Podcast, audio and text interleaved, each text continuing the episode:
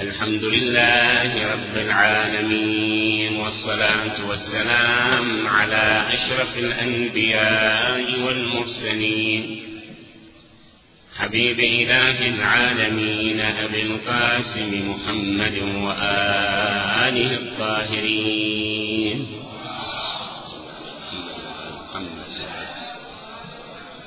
صلى الله عليك يا سيدي ويا مولاي.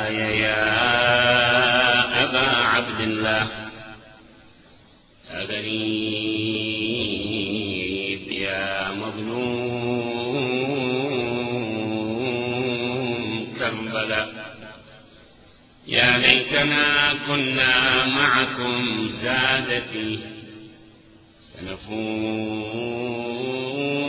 فوزا عظيما.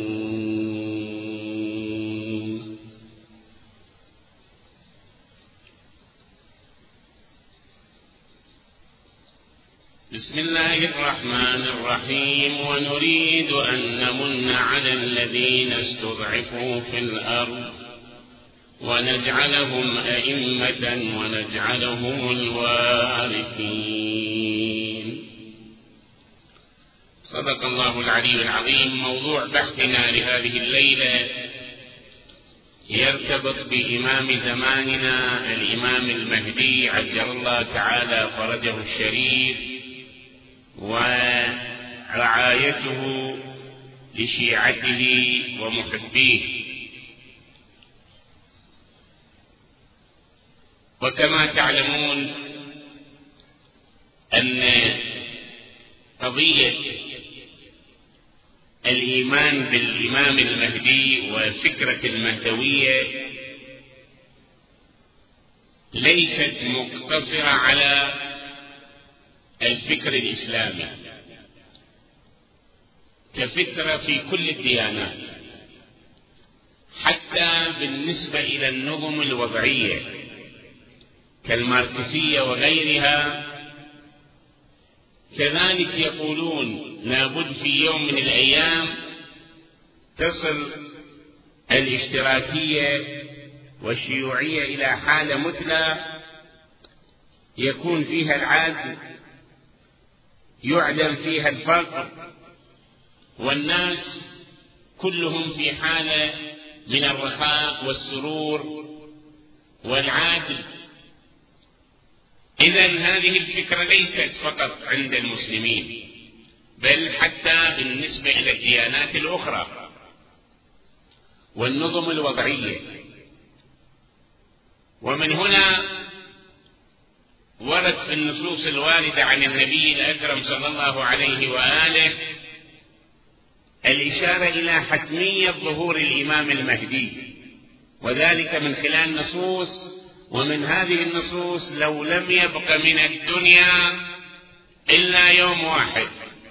لطول الله ذلك اليوم حتى يخرج رجل من أهل بيتي واضع اسمه اسمي يملأ الأرض قسطا وعدلا بعدما تملأ ظلما وجورا. اللهم صل على محمد وآل محمد. لابد القرآن هم أشار إلى هذا المعنى في أكثر من آية. هو الذي أرسل رسوله بالهدى ودين الحق ليظهره على الدين كله. النبي لما بعث صلى الله عليه وآله أقام دولة. لكن هذه الدولة كانت في الحجاز. دولة بمكان محدود. أما إنه ليظهره على الدين كله هذه من ملاحم القرآن أشار إليها. ولم تتحقق. ولا بد أن تتحقق. فمتى تتحقق؟ تتحقق على يد الإمام المهدي صلوات الله وسلامه عليه إذا ظهر لا تبقى بقعة إلا وينادى عليها بنداء لا إله إلا الله محمد رسول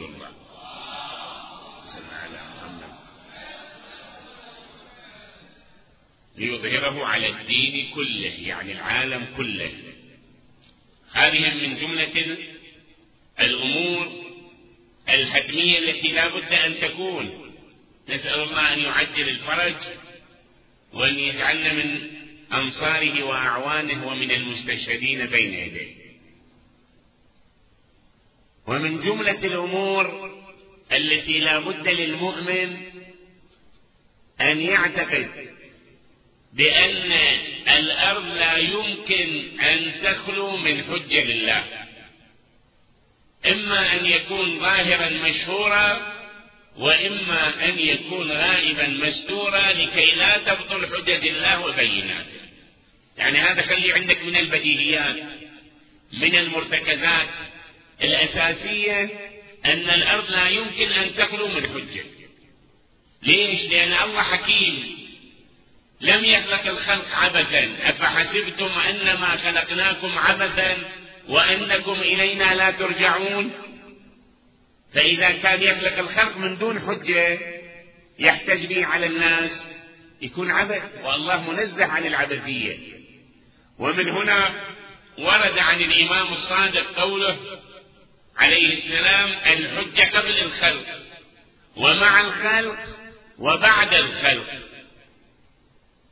آخر ما يقبض من الدنيا هو الحجة. الحجة طبعا حينما نقول لا نقول نقصد به هنا أنه الإمام المهدي. لا هنا الذي يحتج به سواء كان نبي أو وصي نبي أو عبد صالح الله يحتج به. المهم مطلق الحجة. الحجة قبل الخلق ومع الخلق وبعد الخلق. لذلك في زمن الإمام الحسن العسكري عليه السلام وكيل اللي كان في قم أحمد بن إسحاق الأشعري القمي كان وكيل الإمام. يقول صارت عندي بعض الحقوق الشرعية وقصدت إلى سر رأى. أروح هم أسلم على الإمام هم أسلم الحقوق. في الطريق وقع في قلبي أن أسأل الإمام. أدلة في ذهني إنه يا سبحان الله لعل يصير عليك حادث لمن الأمر من بعدك يقول هذا في نفسي. يقول أول ما وصلت إلى سر مرة والتقيت الإمام الحسن العسكري الإمام هو ابتدأني فقال يا أحمد إن الله سبحانه وتعالى لم يخل الأرض من حجة من لدن آدم إلى قيام الساعة. به يدفع الله البلاء عن أهل الأرض. به ينزل الغيث إلى آخره. يقول أنا أولا وقف شعر رأسي. ليش؟ لأن الإمام أجابني عن شيء في نفسي. أنا محضر السؤال قبل أن أسأل أجابني. هاي وحدة؟ الشيء الثاني قلت له سيدي هل يمكن أن أرى؟ اللي حجة من بعدك قال بلى. وذهب إلى حجرة. وأقبل يحمل غلام أسارير النور. تتوكد من وجهه المبارك وإذا هذا الغلام ابن ثلاث سنين يتكلم بلسان عربي فصيح ويقول لي يا أحمد أنا بقية الله في أرضه والمنتقم من أعدائه. اللهم صل على محمد وآل محمد. يا أحمد لا تطلب أثرا بعد عين. الشيء اللي تشوفه بعينك يحتاج بعد تطلب الأثر؟ يحتاج يقول فسررت بذلك. والإمام قال لي يا أحمد لولا كرامتك على الله لما أريتك الخلف. هذا مو كل واحد مؤهل أن ينظر في وجهه لكن أنت لك كرامة على الله. لولا كرامتك على الله لما أريتك الخلف. وأخذ يحدثه الإمام عن غيبة الإمام. وإنه سيغيب غيبة يطول أمدها. فإذا الحجة إما أن يكون ظاهر مشهور وإما أن يكون غائب مستور لكن لا بد من حجة. وعندنا دليل بالنسبة لأبناء العامة. البعض منهم يؤمن بأن الإمام ولد لكن البعض يقول يولد في آخر الزمان. إحنا هنا لا. يمكن أن نحتج به نقول إنه يولد في آخر الزمان هذا كلام غير سليم. ليش؟ لأن هذا على هالفرض هذا راح تكون يعني الأرض هاي الفترة من دون حجة. هاي وحدة. الشيء الثاني الحديث المتواتر اللي عند الفريقين عن الرسول الأكرم صلى الله عليه وآله إني تارك فيكم الثقلين كتاب الله وعترتي أهل بيتي ما إن تمسكتم بهما لن تضلوا بعدي أبدا وإنهما لن يفترقا حتى يرد علي الحوض. سؤال إذا كان نقول الحجة بعد مو مولود عود يولد في آخر الزمان أين عدل القرآن؟ النبي سلف القرآن والعترة. والعترة إلى الإمام الحسن العسكري استشهدوا. هذا قدر متيقن. ولم يبلغنا استشهاد الإمام المهدي. ونحن نؤمن بأن الأرض لا تخلو لأن النبي خلف فيها الأمة القرآن والعترة. وما راح يفترقون إلى يوم القيامة. فإذا من هذا الحديث المتواتر نعرف أنه لا بد من وجود الإمام. أضف إلى خمسين عالم من علماء العامة الذين دونوا في كتبهم بأن الإمام المهدي ولد في ليلة النصف من شعبان في سامراء عام 255 للهجرة. اللي يحب أطلع على المصادر خمسين عالم على الأقل من علماء العامة الذين أشاروا إلى ولادته وإنه ولد في سامراء في العراق عام 255 للهجرة. وعمره خمس سنين صلى على أبيه الحسن العسكري وغاب الغيبة الصغرى اللي استغرقت قرابة السبعين عام تقريبا. وكان يتصل الإمام بشيعته عن طريق السفراء الأربعة. أولهم عثمان بن سعيد العمري وبعد ما توفى عثمان صار ابنه محمد بن عثمان بن سعيد العمري. وبعد ما توفى محمد بن عثمان صار السفير الثالث الذي هو الحسين بن روح النوبختي. وبعد ما توفى السفير الثالث صار السفير الرابع اللي هو علي بن محمد السمري. السفير الرابع. قبل لا يتوفى علي بن محمد السمري بستة أيام الإمام كتب له كتاب أعظم الله أجر إخوانك فيك بعد ستة أيام أنت راح. تنتقل إلى جوار الله. لا توصي إلى أحد. راح تقع الغيبة الكبرى. ونحن الآن في الغيبة الكبرى. ونسأل الله أن يعجل الفرج. في الغيبة الكبرى نيابة خاصة سفير خاص ماكو لأن في الغيبة الصغرى. شنو أكو في الغيبة الكبرى؟ أكو نيابة عامة. ماكو واحد مخصوص. نيابة عامة من كان من الفقهاء صائنا لنفسه حافظا لدينه تاركا لهواه مطيعا لأمر مولاه فعلى العوام أن يقلدوه فهو حجتي عليكم وأنا حجة الله. هذه يسموها نيابة عامة. اللي يتمثل بهالمواصفات هو نائب عام عن الإمام المهدي. حلقة وصل بين الإمام المهدي وبين شيعته وبين محبيه ومواليه. من كان من الفقهاء صائنا لنفسه حافظا لدينه تاركا لهواه مطيعا لأمر مولاه فعلى العوام أن يقلدوه فهو حجتي عليكم وأنا حجة الله.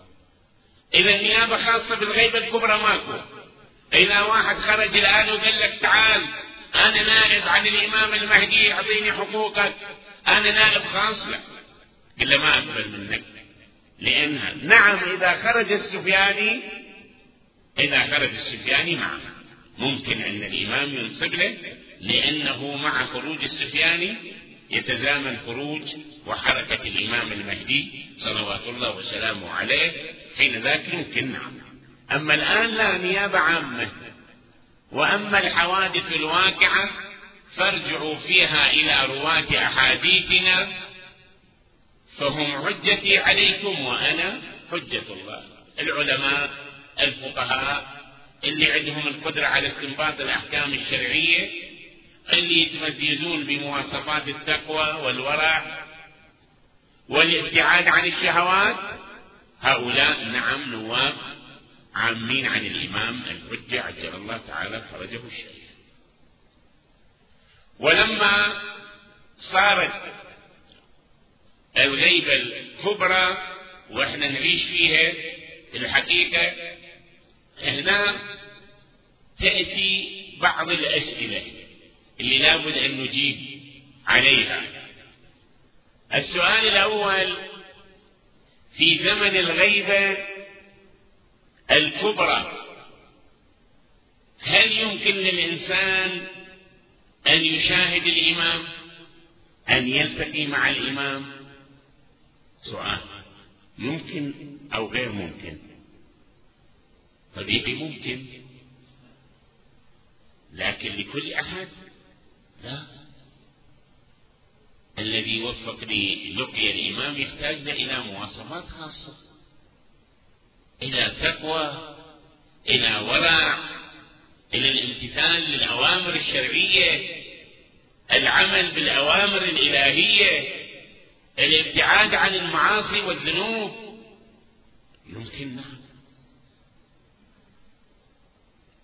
رحمة الله على سيد نعمة الله الجزائري في كتاب الأنوار النعمانية يذكر هذه القضية المرتبطة بالشيخ المقدس الأردبيلي على الله مقامه. الشيخ أحمد الأردبيلي كان في غاية التقوى والورع. معروف عنه يعني. اللي ترجم في سيرة حياته يشوف هذه واضحة في سيرته. الشيخ أحمد كان إذا استعصت عليه مسألة بالليل يأتي إلى قبر أمير المؤمنين. يسلم على أمير المؤمنين يسمع الجواب من داخل القبر. ويسأل السؤال والإمام يجيب. وإحنا نقول بالزيارة أشهد أنك تسمع كلامي وترد جوابي. إنسان إذا عنده تقوى ما يحجب عن عالم البرزخ. يسمع أصوات البرزخ. مثل ما كان المعصوم يسمع. النبي كون كان بعض الأحيان يسمع بعض الأصوات. إذا كان هناك أصوات عذاب لمنافق يعذب. أو غير ذلك. حسب التقوى. يقول الإمام الصادق عليه السلام لو اتقيتم الله حق تقاته لصافحتكم الملائكة. يعني شنو معنى؟ يعني يكشف عن أبصاركم تشوفون الملائكة. لكن العيب فينا إحنا حب الدنيا والمعاصي والذنوب. بعد ما ما تؤثر بتسمع أصوات البرزخ. الشيخ البهائي على الله مقامه. الشيخ البهائي كان في إصفهان. ولما دنت وفاته وصى أن يدفن إلى جنب الإمام الرضا عليه السلام. الشيخ المهائي رحمة الله عليه عنده اهتمامات بعلوم مختلفة. حتى بالرياضيات والهندسة حتى أن قول تصميم المنارات مالت الإمام كما ينقل أنه راجع اليه المهم شيخ البهائي في آخر أيام عمره اجى هو وتلاميذه عند قبر أستاذه. يقرأ الفاتحة على قبر الاستاذ واداء حق الأستاذ. سمع الشيخ البهائي سمع صوت أستاذه من داخل القبر. التفت إلى طلابه قال لهم سمعتوا شيء؟ قال له لا سكت. ما بين لهم. عرف أنه هذا هو وحيد هو اللي سمع هذا الكلام. ماذا سمع من أستاذه؟ قال له استعد لنفسك هيئ نفسك. عرف أنه قرب موته. ترك التدريس لمدة ستة أشهر انتقل إلى جوار. عرف هاي رسالة خاصة إليه من أستاذه. أنه قرب رحيله من دار الدنيا. لكن اللي وياه ما سمعوا الشيخ الطوسي أيام اللي كان مشغول بالمؤلفات والدفاع عن المذهب البعض قالوا له شيخنا أنت أستاذنا وما نشوفك تجي تزور قبر أمير المؤمنين. لا أنا أزور ما نشوفك. قال له تعال أيها المحب. وأصعدها إلى السطح سطح الدار لأن الشيخ كان مشغول بالمؤلفات. توجه إلى الضريح وإلى القبة وقال له السلام عليك يا سيدي يا مولاي يا أمير المؤمنين يا علي بن أبي طالب ورحمة الله وبركاته. وإذا يسمع الجواب وعليك السلام. قال له سمعت قال له أنت من تروح هناك تسلم تسمع؟ قال له لا. حسب التقوى والورع بلا شك يكون إنسان عنده الاستعداد. المهم أرجع إلى قضية وقصة شيخ أحمد الأردبيلي مقدس. فكان يسمع الجواب من داخل القبر. في تلك الليلة أحد التلاميذ تلاميذ اللي عند المقدس الأردبيلي مساهر في التحضير يحضر وكذا. زملاء اللي وياه كلهم نيام إلا هو. جاي يحضر ومشغول سمع في الليل صوت. تصور فد واحد مثلا سارق شيء لأن حجرته كانت ملاصقة إلى قبر الشريف لأمير المؤمنين. فإذا يشوف أستاذه ما قام يتكلم ما قدر يتكلم خجلا وحياء سراد يراقب القضية. سمع كلام ورد كلام وخرج بالأذناب هذا التلميذ لا مختفى الأثر مع الأستاذ. يمشي وهو يمشي وراه. إلى أن وصل إلى مسجد السهلة سمع هناك بمسجد السهلة حديث. ورجع. وهو رجع من خلف أستاذه. صدر منه صوت سعاد. كان انتبه الأستاذ أكو واحد. وإذا أحد تلاميذه. قال له أستاذي ترى القضية من أولها لأخيرها أريد تحدثني؟ قال له بشرط. بشرط أنه ما تتكلم في حياتي. شوف هذا اللي عنده تقوى وورع. ما يخلي لأبوك وأنا شفت الإمام وأنا كذا وشيء. ما يتكلم. قال له أنا أكلمك بشرط. وهذا الشرط لازم الوفاء به ما تتحدث به إلا بعد وفاته. إيه لك هالشرط قال له ولدي ربما استعصت علي مسألة من المسائل فأتي إلى قبر أمير المؤمنين أسلم عليه وأسمع جواب السؤال. وبهالليلة هم بالصدفة مستعصت علي مسألة. وعلى العادة جيت أسأل. وإذا أسمع من ذاك القبر أمير المؤمنين يقول له إن ولدنا المهدي في مسجد السهلة. هذا إمامك روح أنت. روح سئل وفعلا جيت سألت المولى وأخذت الجواب وراجع أنا بس ما أنت تتكلم خلي يصير عندك إحساس وشعور بأنك تحت نظر المولى صاحب العصر والزمان. الإمام صحيح غائب لكن رعايته ليست غائبة عنا. يا غائبا لم تغب عنا رعايته. ولا يزال بعين اللطف يرعانا. إخواني اللي يسمعوني على إنترنت في أوروبا وفي غير مكان صحيح أنت في مكان بعيد لكن رعاية الإمام الحجة رعاية الإمام المهدي تشمل محبيه وشيعته. أينما كانوا أينما حلوا هناك رابطة هناك علقة بين الإمام وبين الشيعة. كل إمام في زمنه حتى إن شاء الله تكون على بصيرة وأنت على بصيرة لكن تزداد. في زمن أمير المؤمنين عليه السلام وكان يخطب أمير المؤمنين. وواحد من شيعة أمير المؤمنين اسمه رميلة. هذا كان مريض قال لكن ما أحب تفوتني الخطبة والصلاة. ولو أنا مريض أنقل نفسي بقوة وأوصل للمسجد حتى ما تفوتني الخطبة ولا الصلاة خلف أمير المؤمنين.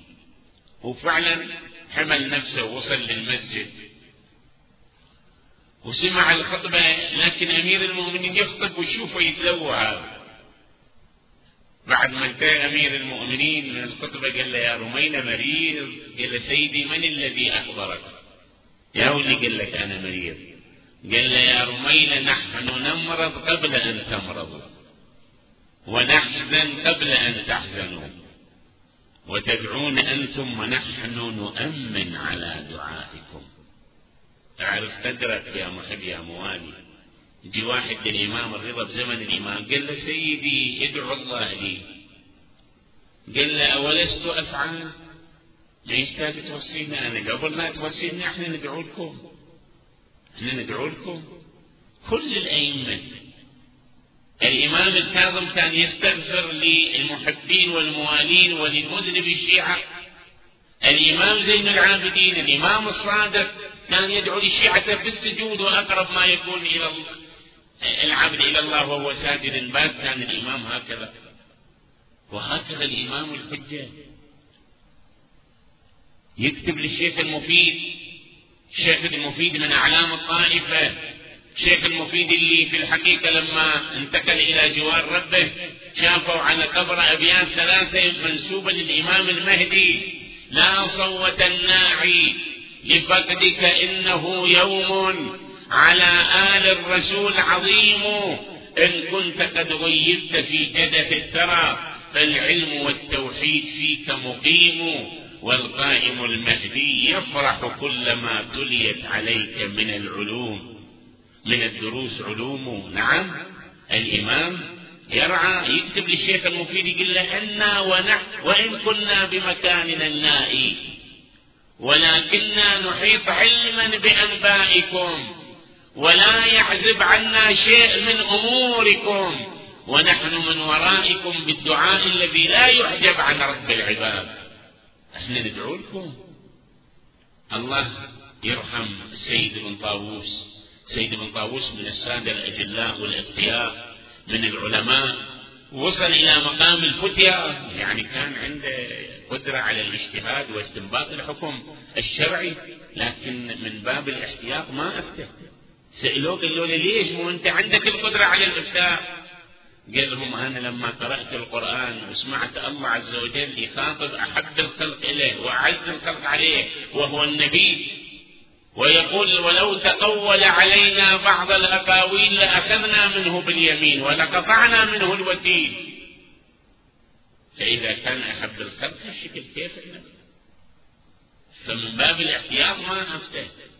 سيد بن طاووس كان ما يأكل من الحقوق الشرعية. سيد بن طاووس كان عنده مزرعة. المزرعة بالزكاة تعرفون على الزكاة العشر.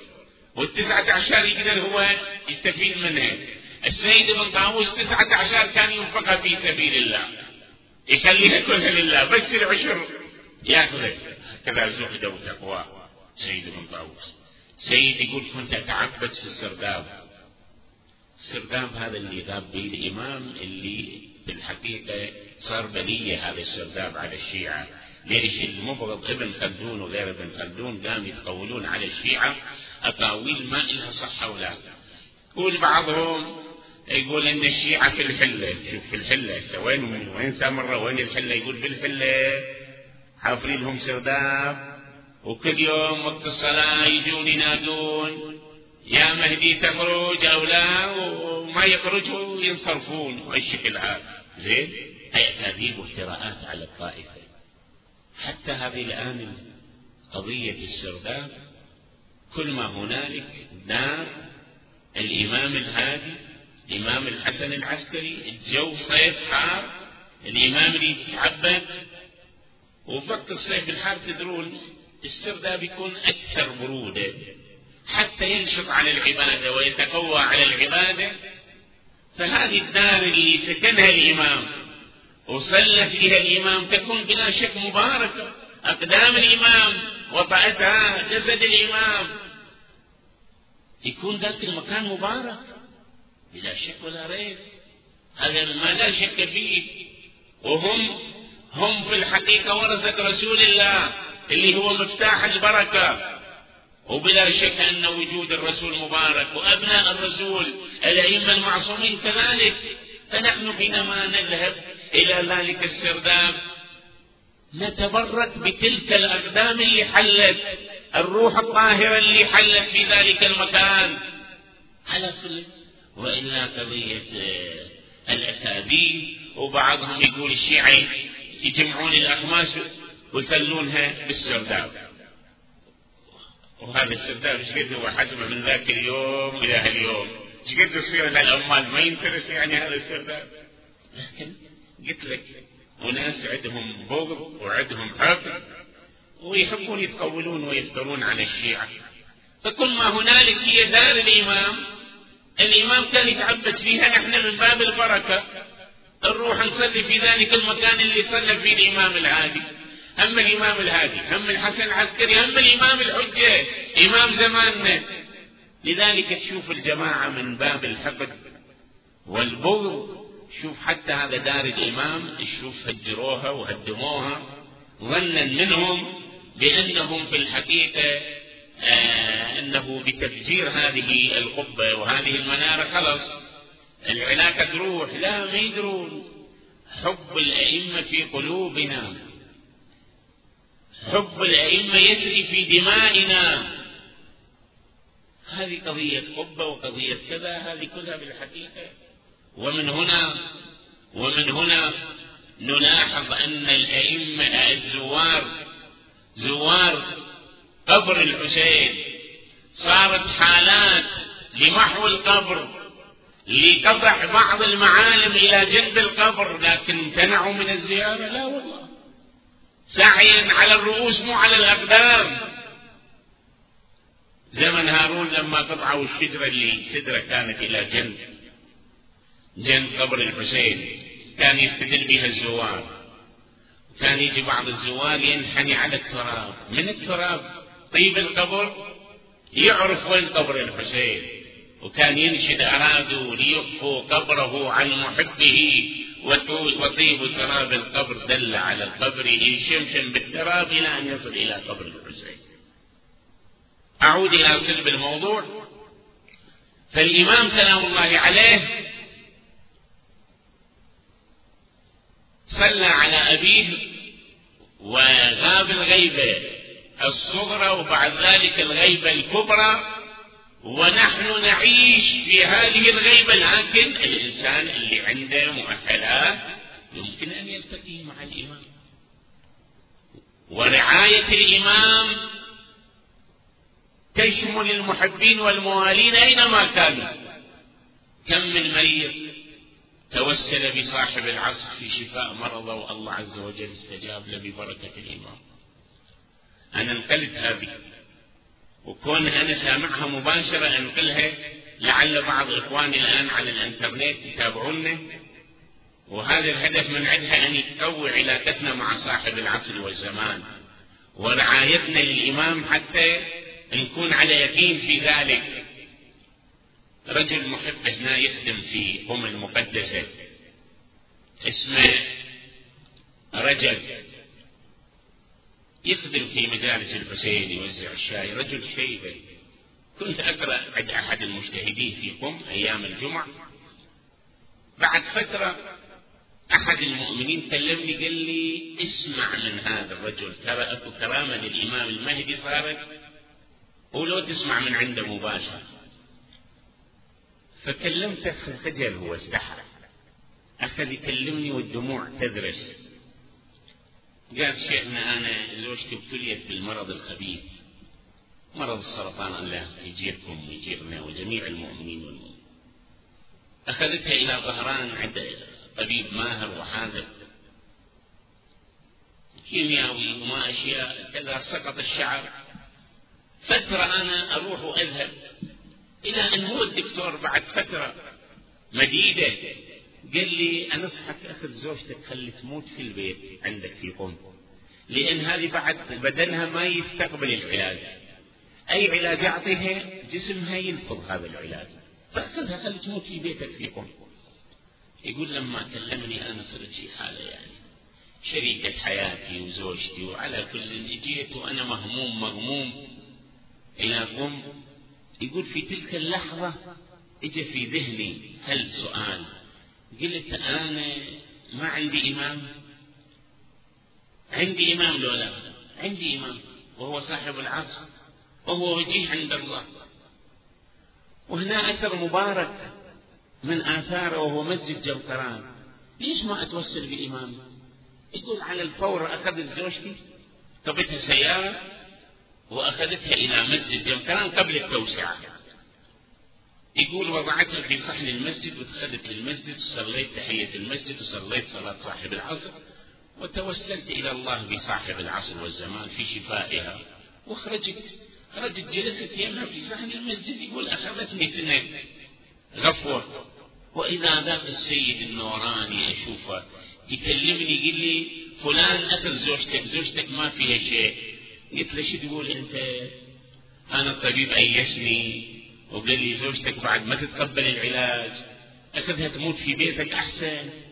قال لي أقول لك أخذ زوجتك زوجتك ما فيها شيء يقول مرة ثانية قلت له شو تقول أنت؟ الدكتور أيسني الدكتور قال لي بعد زوجتك ما تصير لها شارة يقول بالمرة الثالثة بشدة قال لي أقول لك خذ زوجتك زوجتك ما فيها شيء وانتبهت أنا وين هذا السيد ما أشوف السيد يقول قلت عندي علامة صدق أنا كل ما أعطيها كانت تتغير. أخذت لها شوية من هذا الماء. ذاك الأيام الإخوان هنا بعضهم الحمد لله لهم فترة في قم يدرون أن الماء اللي في المسجد كان ماء مالح. يعني ما يكون بشكل عام لكن ماء المسجد يوم كان بعد أشد ملوحة يقول شربت الحمد لله ما تغيرت. أخذتها إلى البيت جنب البيت واحد يبيع مشويات. أخذت لها كانت تأكل لمدة عشرة أيام. أي أكل أي شراب أقدمه. كان جسمها يتقبل وما تتغير بعد العشرة أيام أخذتها إلى نفس الدكتور اللي كان يشرف على علاجها في طهران. قلت له والله أجروا فحوصات عليها. يجري الفحوصات يتعجل الدكتور. قال لي أقول لك هاي زوجتك؟ إيه. هذه نتيجة العلاج. الفحوصات الآن يقول جسمها سليم من أي إصابة. أنت تعال وين أخذتها أي علاج تناولت قلت له أنت من أيستني أنا توسلت إلى الله بإمام زماني بحجة العصر صاحب العصر. وتوسلت به إلى الله والحمد لله. هذه زيارة عن إمام زمانكم في رجب. تقرأ الزيارة الرجبية الحمد لله الذي أشهدنا مشهد أوليائه في رجب. شوف فيها الزيارة شنو موجود. أنا سائلكم وآملكم فيما إليكم التفويض وعليكم التعويض فبكم يجبر المهيض. المهيض يعني العظم المكسور. ويشفى المريض. وما تزداد الأرحام وما تبيض. كم من عليل مريض ببركة موسى بن جعفر الإمام. الله من عليه الإمام الرضا. كم من عليل ومريض جاءوا به إلى الإمام ومن الله عليه بالشفاء ببركة وهذه السيدة الجليلة اللي إحنا بجوارها قبل كم سنة في أيام النصف من شعبان هذه القضية كانت واضحة بحيث هو تكلم بها صاحب الكرامة أمام ملأ في صحن الحرم حرم السيدة.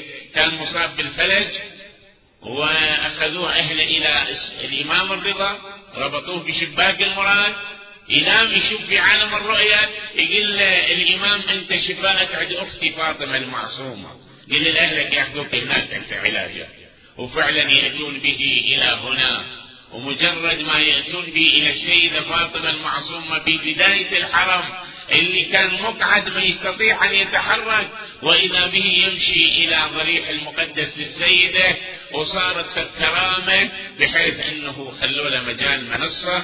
والحرم أيام تدرون 14 شعبان و15 شعبان يكون هناكم مزدحمه بزوار السيدة وزوار مسجد جمفران وكانوا يسمعون منه هذه الكرامه والناس كانت في بكاء لما أتحف الله هذا المؤمن ببركة كتباب الحوائج موسى بن جعفر يا أخي إحنا خلينا نقوي اعتقادنا بأهل البيت عليهم السلام وخصوصا بإمام زماننا الإمام المهدي روح الفداء. الله عز وجل أعطاه من القابليات من الكرامات من العلم. الروايات إذا خرج صاحب العصر والزمان يمد يده على رؤوس العباد فتكمل عقولهم. المرأة في بيتها تكون فقيهة. حالة من النضج الفكري والعقلي اللي راح يسود العالم. الأرض تخرج بركاتها وكنوزها إذا خرج الإمام سلام الله عليه ما يبقى فقير على وجه الدنيا. حامل الزكاة يفتر بيها سنة يدور. يريد يشوف له مستحق ماكو. هذه تخرج الأرض كنوزها ببركة العدل اللي يقيم الإمام صاحب العصر والزمان بعد ما تملأ بالظلم والجو.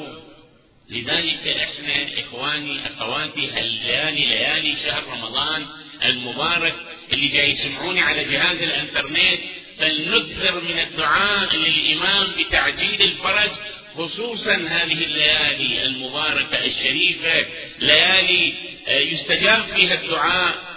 لا تنسون الإمام حتى في وقت الإفطار. الشيخ عباس القمي يقول من مستحبات الإفطار أن تدعو بدعاء العهد عند الإفطار مو فقط عند الصباح عند الإفطار. دعاء الافتتاح اللي فيه في الحقيقة نوع من المناجاة مع صاحب العصر والزمان. اللهم وصل على ولي أمرك القائم المؤمل والعدل المنتظر وحفه بملائكتك المقربين وأيده بروح القدس يا رب العالمين. اللهم اجعله الداعي إلى كتابك والقائم بدينك. استخلفه في الأرض. فما استخلفت الذين من قبله مكن له دينه الذي ارتضيته له.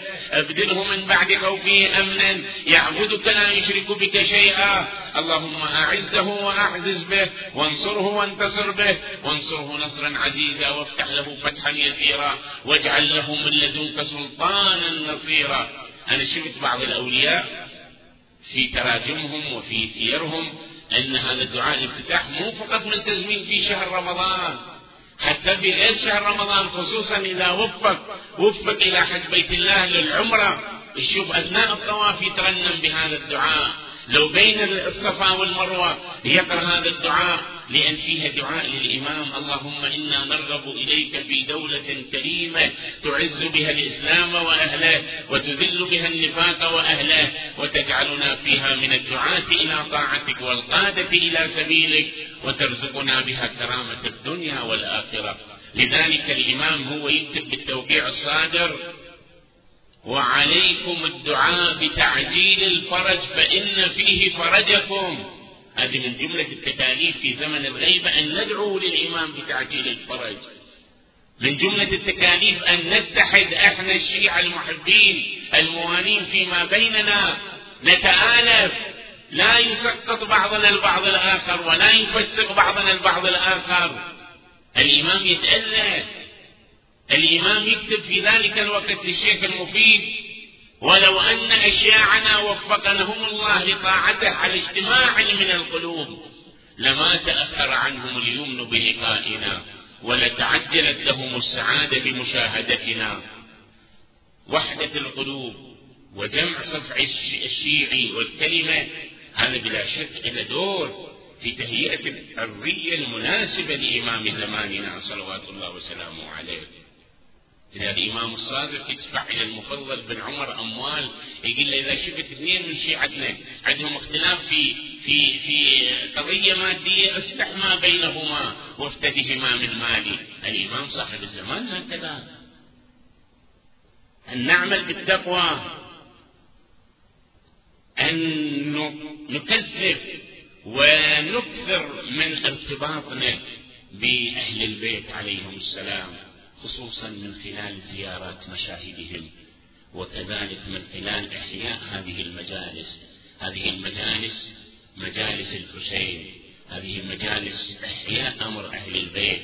هذه تقوي علاقتنا بأهل البيت عليهم السلام. لأن الأئمة هم دعونا لإحياء هذه المجالس والاهتمام بها. من جملة ما وصى به الشيخ فليعمل كل امرئ منكم. بما يقرب به من محبتنا أهل البيت. شنو اللي يقربك من محبة أهل البيت؟ أكو أفضل من ذكر الحسين؟ والاجتماع على ذكر الحسين صلوات الله وسلامه عليه. أليس هو الإمام الذي يأخذ بثار جده الحسين؟ أين الطالب بدخول الأنبياء وأبناء الأنبياء؟ أين الطالب بدم المقتول بكربلاء؟ المناجاة مع الإمام قوة ارتباطك مع الإمام زيارة آل ياسين دعاء العهد صلاة على الإمام صاحب العصر والزمان. تختم لك ختمة وتهديها للإمام. هذه تقوي علاقتك مع إمامك. تقول هب لنا رضاه ورأفته ورحمته ودعاءه وخيره. كل ما عندنا من خير من الله ببركة صاحب العصر هو ولي نعمتنا. علماءنا حينما يعبرون عن صاحب الأمر يقولون بيمنه رزق الورى بوجوده ثبتت الأرض والسماء. خلي شوية هل توجه إلى الإمام وشوف شلون تتغير حالتك وروحيتك. حتى وضعك المادي يصلح ببركة الإمام وارتباطك مع الإمام بلا شك ولا ريب. ما أخذ من أوقاتكم أكثر بعد. ليت شعري أين استقرت بك النوى؟ بل أي أرض تقلك أم ترى برضوى أم غيرها أم ذي قوى؟ عزيز علي أن أرى الخلق ولا ترى. ولا أسمع لك حسيسا ولا نجوى.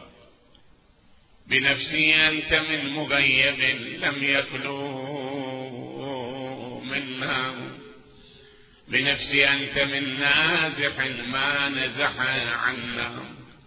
بنفسي أنت أمنية شائف يتمنى من مؤمن ومؤمنة ذكرا فحنا. بنفسي أنت من عقيد عز لا يسامى.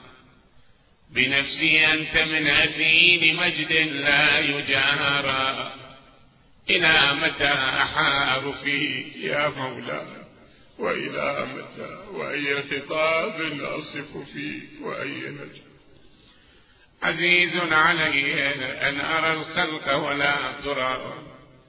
عزيز علي أن أجاب دونك وأناغى. عزيز علي أن أبكيك ويخذلك الورى أن يتصل يومنا منك بعدة فنحظى. سيدي متى نرد مناهلك الروية فنروى. متى ننتفع من عذب مائك فقد طال الصدى. متى نغاديك ونراوحك فنقر عينا. متى ترانا ونرى وإياك وقد نشرت لواء النصر ترى. أترانا نحف بك وأنت تأم الملك. وقد نشرت الأرض عدلا وأبدت أعداءك هوانا وعقابا. وأبرت العداة وجحدت الحق. وقطعت دابر المتكبرين واجتثت أصول الظالمين. ونحن نقول الحمد لله رب العالمين. يا سادة يا محبين يا موالين المولى إذا خرج يتعلق بأستار الكعبة ينادي هم يجيب المضطر إذا دعاه ويكشف السوء. يستجيب الله دعاءه ينزل جبرائيل يبايع بين الركن والمقام. ثم يعرف نفسه للملأ يراه من في المشرق والمغرب. ينادي بثلاث نداءات هذه النداءات كلها ترتبط بمظلومية جده الحسين.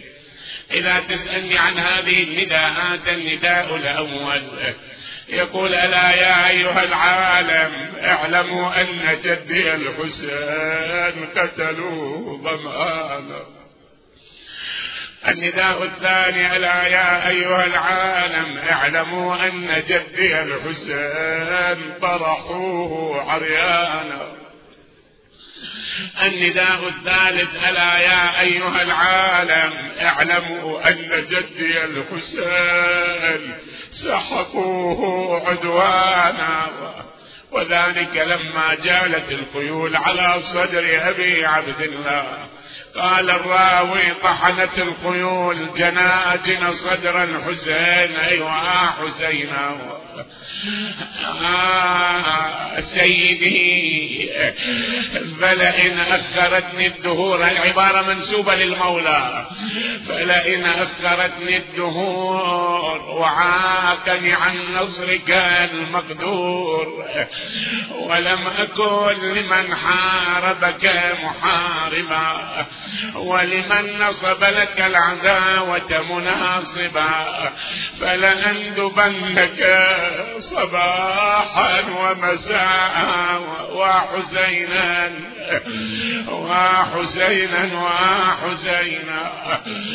فلأندبنك صباحا ومساء ولأبكين عليك بدل الدموع دماء حسرة عليك وتأسفا على ما دعاك. حتى أموت بلوعة المصاب وغصة الاكتئاب. أحد العلماء ظهر مكاشفة هذه مكاشفة. في عالم هذه المكاشفة سأل سيدي هذه العبارة في الزيارة الناحية فلأندبنك صباحا ومساء. ولأبكين عليك بدل الدموع دماء سيدي أي مصيبة هذه؟ مصيبة جدك الحسين وقد قطعوا رأسه. فقال لو كان جدي الحسين حاضرا لبكى على هذه المصيبة. سيدي مصيبة عمك العباس وقد قطعوا يمينه وشماله. فقال لو كان عمي العباس حاضرا لبكى على هذه المصيبة. سيدي مصيبة علي الأكبر وقد قطعوه بالسيوف إربا إربا. فبكى وقال لو كان علي الأكبر حاضرا لبكى على هذه المصيبة. وما زال يذكر له ويقول لو كان فلان حاضر لبكى. سيدي إذا أي مصيبة التي جعلتك تبكي بدل الدموع دماء فقال تلك مصيبة عمة الحوراء زين مرحوم عبرتك الدموع هذه في شهر رمضان. في هالليالي لها يعني يعني أصحاب غيرها. هذه اللي كانت نعم إذا أرادت أن تزور قبر جدها تخرج في الليل أمامها أمير المؤمنين عن يمينها الحسن عن شمالها الحسين. يسبقهم أمير المؤمنين يطفئ ضوء القناديل. يسأل الحسن أبا لما أطفأت ضوء القناديل؟ قال ولدي إني أخشى أن يطلع أحد إلى ظل أختك زينب وإذا بها تساق من بلد إلى بلد. الحبل في عنق الإمام زين العابدين إلى كتف عمته الحوراء زينب إلى بقية النسوة ولسان حال الحوراء زينب لاين شرايا الموت اشتريت أنا مشيت دربي ما مشيت. وجدت على خير فقيت من جيلة الوالي نسيت. يا أخويا يا أخويا سب والدي وانكر وصيد والله تدرون تدرون بيا هاشمية. كلمة عدو صعبة علي. أنا وين وين الدواوين من مخدرة عباس وحزين وزادت مصيبة الحوراء متى متى؟ لما رجعت إلى المدينة لما رجعت إلى المدينة. نعم هو أقبل محمد بن الحنفية استخبر قال له لا أخوك الحسين أقبل. أو ركب الحسين. يقولون كان يقوم محمد الحنفية ويقعد ويقول أما إن فيها مصائب آل يعقوب. أول ما وصل ونظر في وجه الإمام زين العابدين قال أين أبوك الحسين؟ فبكى. محمد يا عم جيتك وما من مع غير الحريم. التفت محمد تدري أهل البيت هو من يلوذ بهم ابن أمير المؤمنين. عنده تقوى فلما نظر ما عرف أخت زينب. لأن الإمام يقول لقد تكشرت وجوه عماتي وأخواتي من حرارة الشمس. فقال للزين العابدين نحي هذه الأجنبية عنا فبكى زين العابدين. قال يا عم يا عم هذه ليست أجنبية هذه زينب الهاشمية قال زينب الهاشمية هذه. فلما سمعت زينب قالت أخي محمد لا تقل زينب الهاشمية ولكن قل زينب المسبية والأخواي والأخواي كتن الهضم يا محمد. والاخوايا خويا جمر يسعر بدلاني. والاخوايا نجيتك لا ولي عندي. والاخوايا عفتهم جثث برض الغابري أخذت زينب تقص على محمد بن الحنفية ما جرى عليها. من قتل الحسين وشلون أخذوها من كربلاء إلى الكوفة. محمد يسمع. وحالاته تتغير. وصلت إلى موقف بعد ما تحمل محمد بن الحنفية. التفت إلى الخادم وقال له روح غلق الديوان. بعد ديوان ما نقدر نفتح هذا ديوان. متى؟ متى هذه؟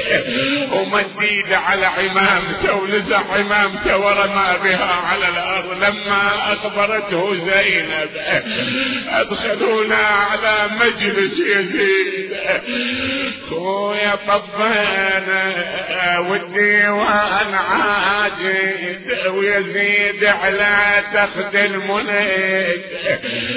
جاء عيد وإحنا حرم كلنا فواجد يا خويا يا خويا مجاتيف من واحد لواحد. وبعد يسوي يزيد يزيد عند امام رأس الحسين. ينكته بعصاه خويا ينكت ذكر حزنه ونشاهد اللي ما تحمل بعد رمى عمامته واعظم ما يشجي الغيور دخولها. إلى مجلس ما بارح اللهو والخمرة أرفعوا أيديكم بالدعاء. أيام مباركة شريفة. الدعاء فيها يستجاب فلا بأس. وهذه الدموع التي سقطت على أبي عبد الله وعلى الحوراء زينب فيكون الدعاء مستجاب. ارفعوا أيديكم. الله كريم في الرواية يستحي إذا رفع العبد يديه أن يردها صفرا. وأكو بعض الأخوة والأخوات يتابعونا على جهاز الإنترنت الآن يكون وقت الافطار عندهم ومن جملة الحالات والأوقات اللي يستجاب فيها الدعاء عند الافطار فيكون الدعاء مستجاب. اللهم صل على محمد وآل محمد. كما علمناكم ندعو اولا لإمام زماننا ونطلب حوائجنا. الكل يشارك. اللهم صل على محمد وآل محمد. اللهم كن لوليك حجة ابن الحسن صلواتك عليه وعلى آبا. ما اسمع صوتك. في هذه ما شاء الله. وفي كل وليا وقائدا ما شاء الله. ودليلا. حتى تسكنه أرضك طوعا وتمتعه فيها طويل. برحمتك يا أرحم الراحمين. أنا الآن أدعو أن تؤمنوا على الدعاء. اللهم عجل فرجه وسهل مخرجه وزين الأرض بطول بقائه واجعلنا من خيار شيعته.